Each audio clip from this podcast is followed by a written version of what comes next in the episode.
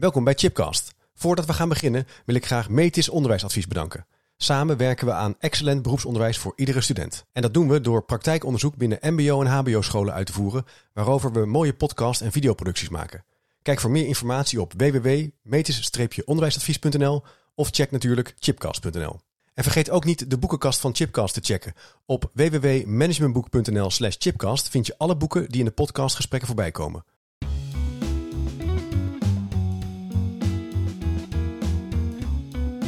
Welkom bij een nieuwe aflevering van Chipcast, een podcastserie waarin ik op zoek ga naar verrassende antwoorden en nieuwe perspectieven op vragen die mij bezighouden. En vandaag ben ik in Kampen en te gast bij het symposium De Overbrugging. We gaan het hebben over de samenwerking tussen PO en VO. Stichting voor Christelijk Onderwijs Iris en Ichtes College Kampen hebben de handen ineengeslagen om de doorstroom van het basisonderwijs naar de brugklas te verbeteren. Een van de uitkomsten is de start van het project De Overbrugging. En doel is om de overstap van groep 8 naar het voortgezet onderwijs makkelijker en effectiever te maken. Dat klinkt nog wel heel erg uh, ja, een beetje bedrijfskundig, maar vooral natuurlijk plezieriger voor de leerling, zodat hij gelukkig is en op een fijne plek terechtkomt. En daar zijn jullie al langere tijd mee bezig en daar gaan we het in deze podcast over hebben. Ik vind het ontzettend leuk om aan tafel uh, te hebben uh, John Odinot, directeur van het Ichtis College. Hartelijk welkom. Dankjewel. Henk Terwee aan mijn rechterkant, bestuur Stichting Iris. En aan de overzijde Christel, Christel Plender, directeur van de Rehoboth School in Kampen. Een van de Iris scholen. Klopt. Nou, er is al meer over jullie te zeggen, maar dat is even zo op hoofdlijnen uh, de introductie. We gaan het hebben over de samenwerking, over interprofessioneel samenwerken. Dat is dan de, de chique term. Um, Henk, even bij jou beginnen. Waarom is het belangrijk om die, die overbrugging, om daar aan te werken met elkaar? Nou, ik denk dat wij de opdracht hebben om een soort van systeemfout in ons onderwijssysteem uh, te, te lijmen. Uh, en uh, daar, zit, daar zit voor mij ook de urgentie. Uh, namelijk dat kinderen daarin in, in de meest plezierige omgeving eigenlijk zo weinig mogelijk van die overgang van primair onderwijs naar het voortgezet onderwijs ervaren. Kijk, en je noemt ook een systeemfout. Kan je dat toelichten? Wat bedoel je daarmee? Uh, we hebben een, een onderwijssysteem waarin we nogal wat overgangen tussen onderwijs uh, creëren. En al die overgangen helpen kinderen volgens mij niet om, uh, om in daarin het meest effectief ook hun, hun onderwijs en hun ontwikkelcarrière door, te doorlopen. Ja, dus eigenlijk moet je iets herstellen. In zekere zin, wat is, wat is een systeemfout wat je moet aanpakken met elkaar, zodat die route plezierig is? Ja. Oké, okay, oké. Okay. Christel, hoe kijk jij daarnaar? Is dat, deel je die mening, een systeemfout? Uh, nou ja, systeemfout. Ja, de, ik deel de mening wel. Ik heb zelf natuurlijk uh, um, 17 jaar lang op het Ichtes College op het, in het voortgezet onderwijs gewerkt. Ik heb drie jaar geleden de overstap gemaakt naar het basisonderwijs. Dus daar ben ik nu directeur. Um, daarvoor heb ik me ook al wat bemoeid met de overgang. Uh, maar ja, dat daar een, uh, een kloof is waar we denk ik samen wat voor kunnen betekenen. Ja, daar ben ik het ja. wel mee eens. Ja. ja. Maar John, aan de andere kant denk ik, ja, ik ging vroeger na groep 8, ja, super spannend. Ging ik gewoon naar de eerste op de fiets. En dan was alles anders. En dat was ook wel weer in zekere zin leuk. Allemaal nieuwe mensen ontmoeten. En dan, ja, dan vind je je weg wel. Zijn we niet uh, stiekem een beetje te aan het verzorgen? Of, of ga ik nou te scherp door de bocht? Nou, dat weet ik niet of je te scherp door de bocht gaat. Ik kan alleen maar zeggen dat uh, het is mijn eigen ervaring dat er uh, vroeger ook veel goed ging. Ja. Alleen vroeger ging er ook veel niet goed. want we weten allemaal de gevolgen van vroegtijdige selectie bij leerlingen brengt leerlingen vaak niet op plekken terecht waar ze uiteindelijk zouden kunnen uitkomen. Als ze wat langer de tijd hadden gehad om, nou ja, om te rijpen in het basisonderwijs of te rijpen in het voortgezet onderwijs. En omdat we al heel vroeg selecteren en leerlingen al heel snel op de plek plaatsen waarvan de, ja, de basisschool denkt of de ouders denken dat ze thuis hoort, krijgen leerlingen onvoldoende kansen. En ik denk dat als je teruggaat, als ik terugga in mijn eigen geschiedenis, uh, dan ben ik ook door uh, ja, op een bepaalde plek terechtgekomen. Waarvan ik ja, achteraf via de overstap van de MAVO naar de HAVO, naar het Atheneum, uiteindelijk uh, op een andere plek ben terechtgekomen. Ja. Ik denk dat er veel meer leerlingen waren in die tijd uh, die om allerlei nou ja, motieven op plekken terechtkwamen. Waarvan ze achteraf gezien misschien wel iets beter hadden kunnen doen. Ja, precies. Dus ik, ik zou niet zo. Ik, nee. ik heb er niet zoveel behoefte aan om nou ja, het, het verleden te problematiseren. Maar ik zou in de toekomst wel veel willen oplossen van wat wel eens misging. Ja, mooi. Mooi, mooi hoe je dat zo, zo even die redenering pakt. Want ik kan me voorstellen, nu die systeemfout, laten we even nog op doorgaan, die is er nu. Je ziet ook wel, ja, mensen komen ook in hun routine. Het wordt ook dan gewoon de routine om in groep 7 of groep 8 gewoon je ding te doen. Terwijl je eigenlijk dus die, die verbinding, dus je zult er wat meer aandacht aan moeten besteden dan je misschien ja, gewend zou zijn als het onderdeel zou zijn van je werk. Je moet het wel organiseren. Ja, het is natuurlijk ook duidelijk een cultuurding. Hè. We zijn het ook allemaal al, al heel lang op deze manier gewend. Hè. Dus daarmee is het ook eh, een kwestie van weer uh, nou, onder, de, onder de aandacht brengen dat we erg, echt wel een probleem hebben voor een grote groep kinderen die die overgang veel problematischer ervaren dan, uh, nou ja, dan een hele grote groep kinderen die, die het eigenlijk probleemloos Ja, precies. precies. Ja, dus is een, kan, kan, kan je wat voorbeelden geven, Chris? Wat zijn dan dingen die jullie tegenkomen? Ja, problemen of uitdagingen waarvan je zegt, ja, dat is wel waar we het echt voor doen. Dat zien we dus in die praktijk. Nou ja, dat, dat kinderen hè, eh, vanuit uh, groep 8 naar klas 1 gaan en dan toch uh, heel veel moeite hebben met, met plannen. En dat ja, duurt dan met name de eerste paar maanden. En ik weet wel dat ik als mentor al zei tegen ouders van, nou ja, als je straks bij de kerstvakantie bent, dan, dan wordt het wel wat rustiger, ook voor jullie. Ja. Um, de hoeveelheid huiswerk, wat als best wel veel wordt ervaren. Um, maar ik, ja, dat denk ik met name dus plannen en huiswerk, dat dat als een um, ja, grote kloof wordt ervaren. Ja. En dan ook al het ontmoeten van nieuwe kinderen. Um, ja, super spannend. Gaan naar een nieuwe omgeving. Ja. Je ziet niet meer één leraar, maar je gaat gedurende de dag, nou ja, of je blijft in hetzelfde gebouw. Dus dat zijn al best wel veel dingen die zo op je afkomen. Wat, wat, zou je dan moeten doen wat jullie betreft? Of wat, waar werken jullie aan om het dan in die groep 7, groep 6, 7, 8, of misschien al eerder al ja, te verbeteren? Nou ja, Denk ik even naar jou. Ja, ja. Nou, een, een, deel van het, uh, van het traject waar we nu eh, ingestapt, of ingestapt zijn, gaat het natuurlijk vooral over die executieve vaardigheden, te bevorderen. Dat is volgens mij een hele belangrijke voorwaarde. En dat we daarin niet alleen naar de cognitie kijken, maar vooral ook naar die andere zaken die fundamenteel van belang zijn voor kinderen om, om, om wel te aarden. Mm -hmm. uh, maar daar hoort ook een stukje socialisatie bij. Ja, ja. en socialisatie, John, uh, leren, ja, in zo'n leren hoe je je begeeft in zo'n nieuwe groep executieve vaardigheden, dus leren samenwerken? Nou, het begint natuurlijk bij binnenkomst al. Uh, de leerlingen die komen in het algemeen uit het voortgezet onderwijs op de fiets. En dat is het basisonderwijs vaak anders, want dan zit je in je eigen omgeving. Dus op tijd vertrekken, fietsen met andere leerlingen in een andere klas zitten. Oh ja. Dat is natuurlijk allemaal dingen die je opeens aantreft. Want je zit opeens met mensen die je niet kent. En dat moet dan maar een uh, gewone klas worden. En tegelijkertijd wordt er op het gebied van leren en studievaardigheden best wel veel gevraagd in het begin. Ja. En natuurlijk doen wij er op het middelbaar onderwijs ook het nodige aan. We starten met leerlingen tijdens mentorlessen, heel intensief. Hoe ga je plannen? We hebben een gezamenlijke agenda die we met elkaar invullen. Dus er is best veel veranderd in de goede zin om leerlingen te helpen om de overstap te maken. Maar ik denk dat als je dat in de gezamenlijkheid doet, het is dan, dan, dan kan je die afstemming veel beter doen. Die kun je ook veel beter met elkaar realiseren dan dat je dat in je eentje doet. Ja, kan je elkaar ook meer benutten, meer gebruiken en van elkaar ja. leren, zou je kunnen zeggen. Nou ja, en, en die exclusieve vaardigheden. Kijk, de opdracht die we als voortgezet onderwijs, maar ook als basisonderwijs gekregen hebben ten opzichte van het verleden, is natuurlijk best een hogere geworden. We, we leiden leerlingen niet alleen maar op voor een beroepsopleiding en dan zeggen we van nou, ik ben afgestudeerd, hè, zeiden we vroeger. En dan uh, zit er hier een dikke streep onder en dan dacht je, nou, en dit nooit meer. Uh, en tegen, tegenwoordig weten we natuurlijk dat als je het woord afgestudeerd opschrijft, dat je er een komma achter zet en dan zegt en wordt vervolgd. Ja. En dus wij leren steeds meer leerlingen op om heel actief te blijven, niet alleen op de arbeidsmarkt, maar ook in het leerproces. Ja, dat vraagt ook van kinderen van vroeg af aan uh, andere vaardigheden om te kunnen blijven leren. Een leven lang leren. John, sorry, ik val je erin. Ja. Maar dat is dus een leven lang leren. Dus je bent niet klaar na je studie geschiedenis nee. of je opleiding MBO uh, elektricien. Je gaat een leven lang, je blijft bekwaam. En dat zegt iets en dat vraagt iets van hoe je leert op die middelbare school, maar ook eigenlijk al op de basisschool dan. Klopt. Oh ja, dat had ik eigenlijk nooit zo gerealiseerd dat je daar al mee bezig bent in, in het VO of PO. Ja. Ik dacht het leven lang is toch meer iets voor als je al werkt. Ja, ik chargeer nu een beetje, maar.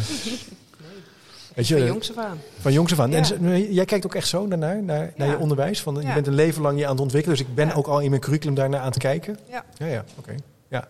Interessant. Ja, en dat gaat dan over thema's als, uh, als onderzoekende houding uh, creëren, uh, nieuwsgierigheid proberen aan te wakkeren bij kinderen. Ja. want dat, dat zijn vaardigheden waar je ook in een, in een toekomst natuurlijk verder mee kunt. Ja, ja en hoe, hoe leer je nou kinderen om nieuwsgierig te worden? Ja, nou dat, dat, een van de dingen waarop je dat natuurlijk kan doen, is dat meestal zijn leerlingen um, niet meer nieuwsgierig als het woord fout heel nadrukkelijk in de school klinkt. Dus als leren uh, wordt afgerekend als het niet goed gegaan is, bijvoorbeeld met toetsen of met uh, heel veel SO's en met heel veel repetities.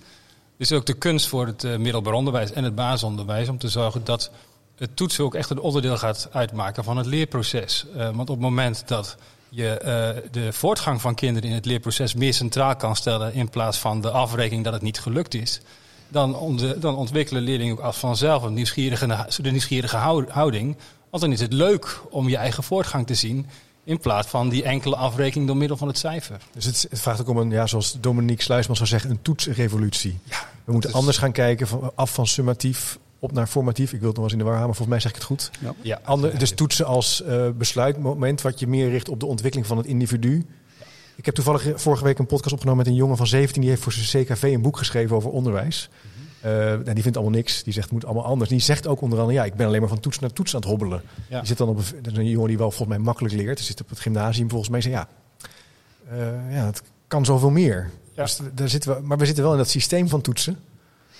Ja, want er wordt wel wat afgetoetst. Eh. We toetsen, al, we toetsen heel wat af. Ja, uh, sinds een aantal jaren zijn gelukkig die kleutertoetsen weer, weer afgeschaft. Die verplichting daarop. Uh, maar ja, nee, er wordt heel wat afgetoetst. En ik zie wel een trend dat we steeds meer adaptief toetsen. en, en, en daarin veel meer, minder op, op, op absolute nou ja, normen die op een bepaald moment gehaald moeten worden. En mm -hmm. dat daar ja, veel meer naar de ontwikkeling van kinderen gekeken wordt op, op het moment waar ze op dat moment zijn. Ja dat vind ik wel een interessant thema om. Het is niet helemaal het thema van de podcast, maar toch even op door te gaan. Want je wil wel, de, je wil wel snappen waar kinderen zijn. Ook je wil ze ook kennis over bijbrengen. Culturele kennis, lezen, schrijven, rekenen, wereldoriëntatie, burgerschap.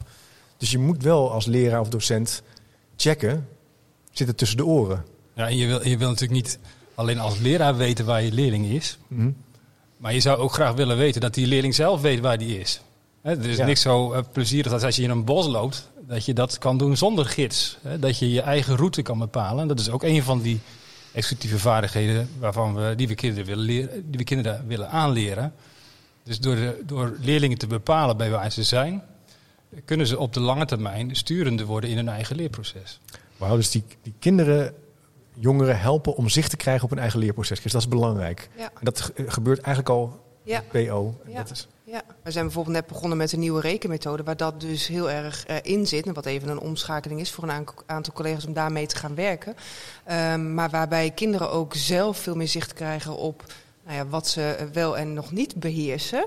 En waar ze dus nou ja, de komende week of de komende weken dan mee aan de gang gaan. En de leerkracht dus dan ook. Ja. Er wel wat bij voor, voor die kinderen. Komt best wel wat. Dus, uh, je moet wel wat kunnen. Ja. Um, en voor de leerkracht dus en ook. voor de leerkracht dus ook, ja. vraagt ook een andere vaardigheid om veel meer rond te lopen en te gaan kijken. Ja.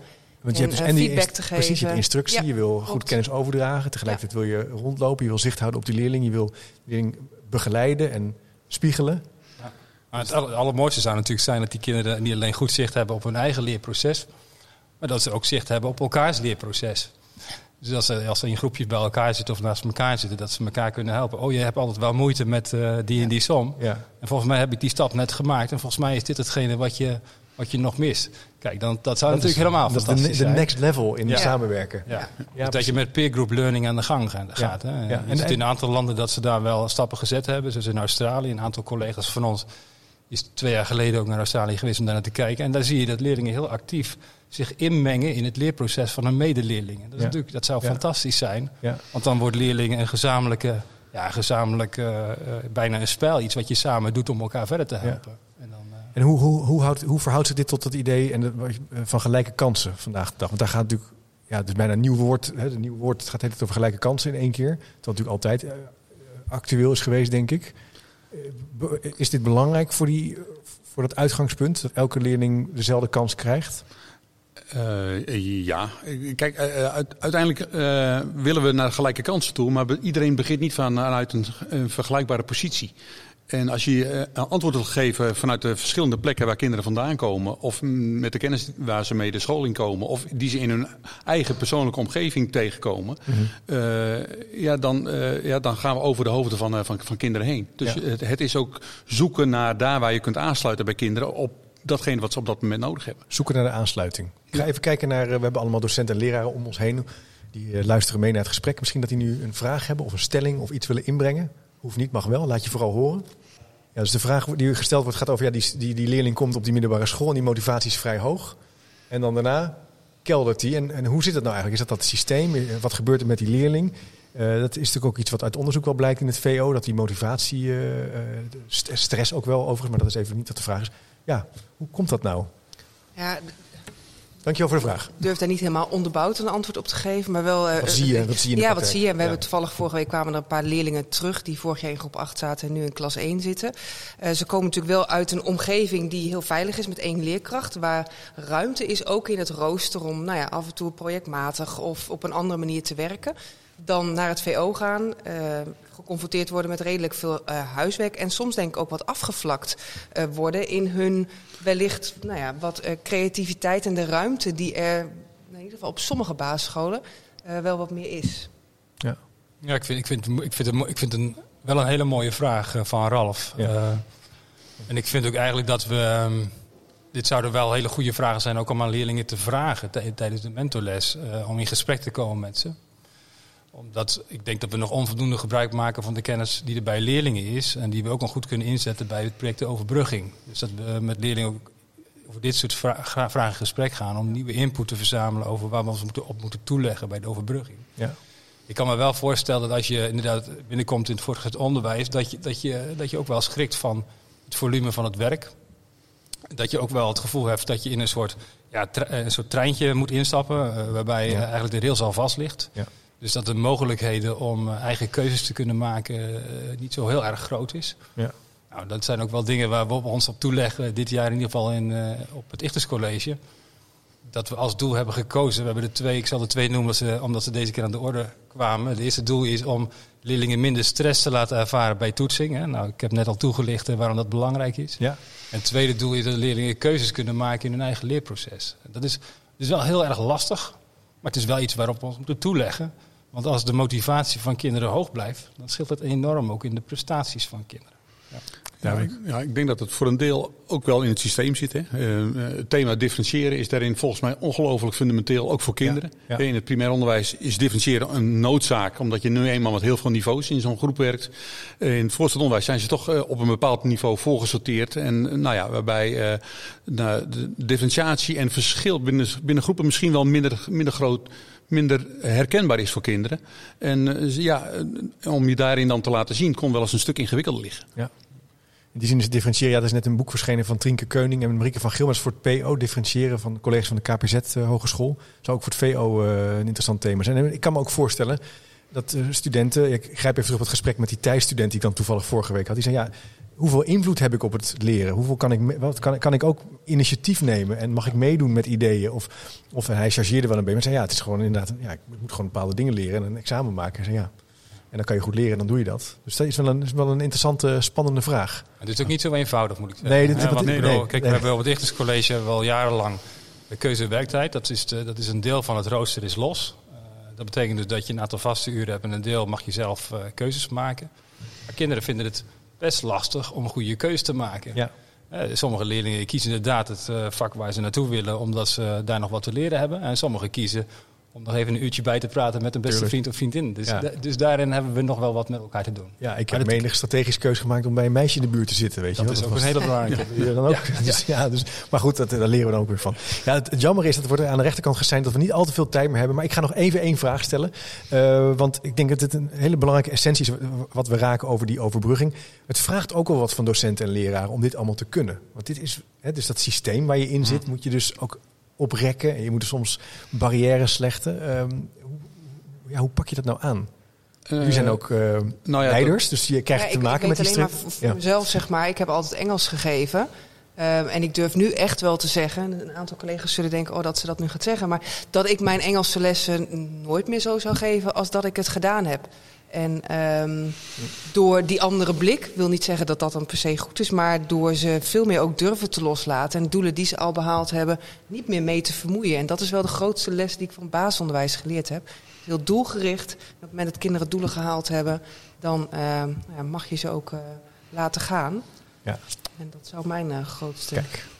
Ja. Nou, mooi, mooi, mooi punt. Ja, en ik denk dat er gewoon nog heel veel onbekendheid is. We hebben toch wel twee culturen geschapen tussen het primair onderwijs en het voortgezet onderwijs. En daarin elkaar zien en, en ook ervaren hoe het in die andere omgeving is, zou, zouden wel op, ook op juist op hele kleine schaal wel eens tot, tot hele mooie resultaten kunnen leiden. Ja, ja dus dat kleinschalig, dus niet, wat jullie nu aan het doen zijn met elkaar, elkaar ontmoeten, met elkaar werken, uitwisselen beneden die workshopruimtes waar je met elkaar kan werken. Dat is natuurlijk hele belangrijke punten waar je dan wat helpt om die beweging te blijven maken. Elkaar bezoeken ook. Ja. En elkaar bezoeken. Ja. En wat we natuurlijk ook met elkaar uithalen, laten we heel eerlijk zijn, is ook heel erg ingewikkeld. Uh, want uh, hoe krijg je hoe, hoe kom je binnen de context van de ander? Want je zit de hele dag in je eigen systeem, zeg maar, in het basisonderwijs of in het voortgezet onderwijs.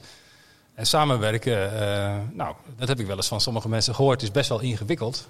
En, en dat zijn natuurlijk ook de dingen die je ervaren. Dus wat, wat bij mij ook overheerst, eh, is eh, als ik deze bijeenkomst die we hier hebben, die helemaal gaat over de overbrugging, meemaak. En ik zie hoeveel collega's hier zijn en het enthousiasme van mensen en hoe ze, ja, hoe ze deelnemen aan activiteiten, dan, ja, dan, dan, voel, ik me, nou, voel ik me wel een beetje trots uh, op het feit dat ik daar ook mag bij horen. Ja, dat ik al die mensen zie die met enthousiasme en overgave gericht op het kind uh, inzet leveren hier. En dat, uh, dat vind ik prachtig om te zien. John, dat viel mij ook op. Wat, wat dat betreft ontzettend leuk om hier te gast te mogen zijn in het mooie kamp. En met jullie in gesprek te gaan. Ik hoop het initiatief te mogen volgen. Wie weet volgend jaar kunnen we nog eens terugblikken op wat jullie hebben meegemaakt. ik ervaar, heb het ook zo ervaren. Veel animo, veel collega's die, die actief hier mee willen aan de gang gaan. Nou, die workshopruimte is hartstikke leuk. Uh, ik zou zeggen, beste luisteraar, als je meer informatie wil hebben over wat ze hier doen in Kampen, kijk dan even naar de, naar de website van Chipcast. Dan zal ik even doorlinken naar uh, de initiatieven die gaan over de overbrugging. Ik zou zeggen nu, uh, Christel, Henk en John, hartelijk dank voor jullie bijdrage. En beste luisteraar, tot de volgende keer maar weer.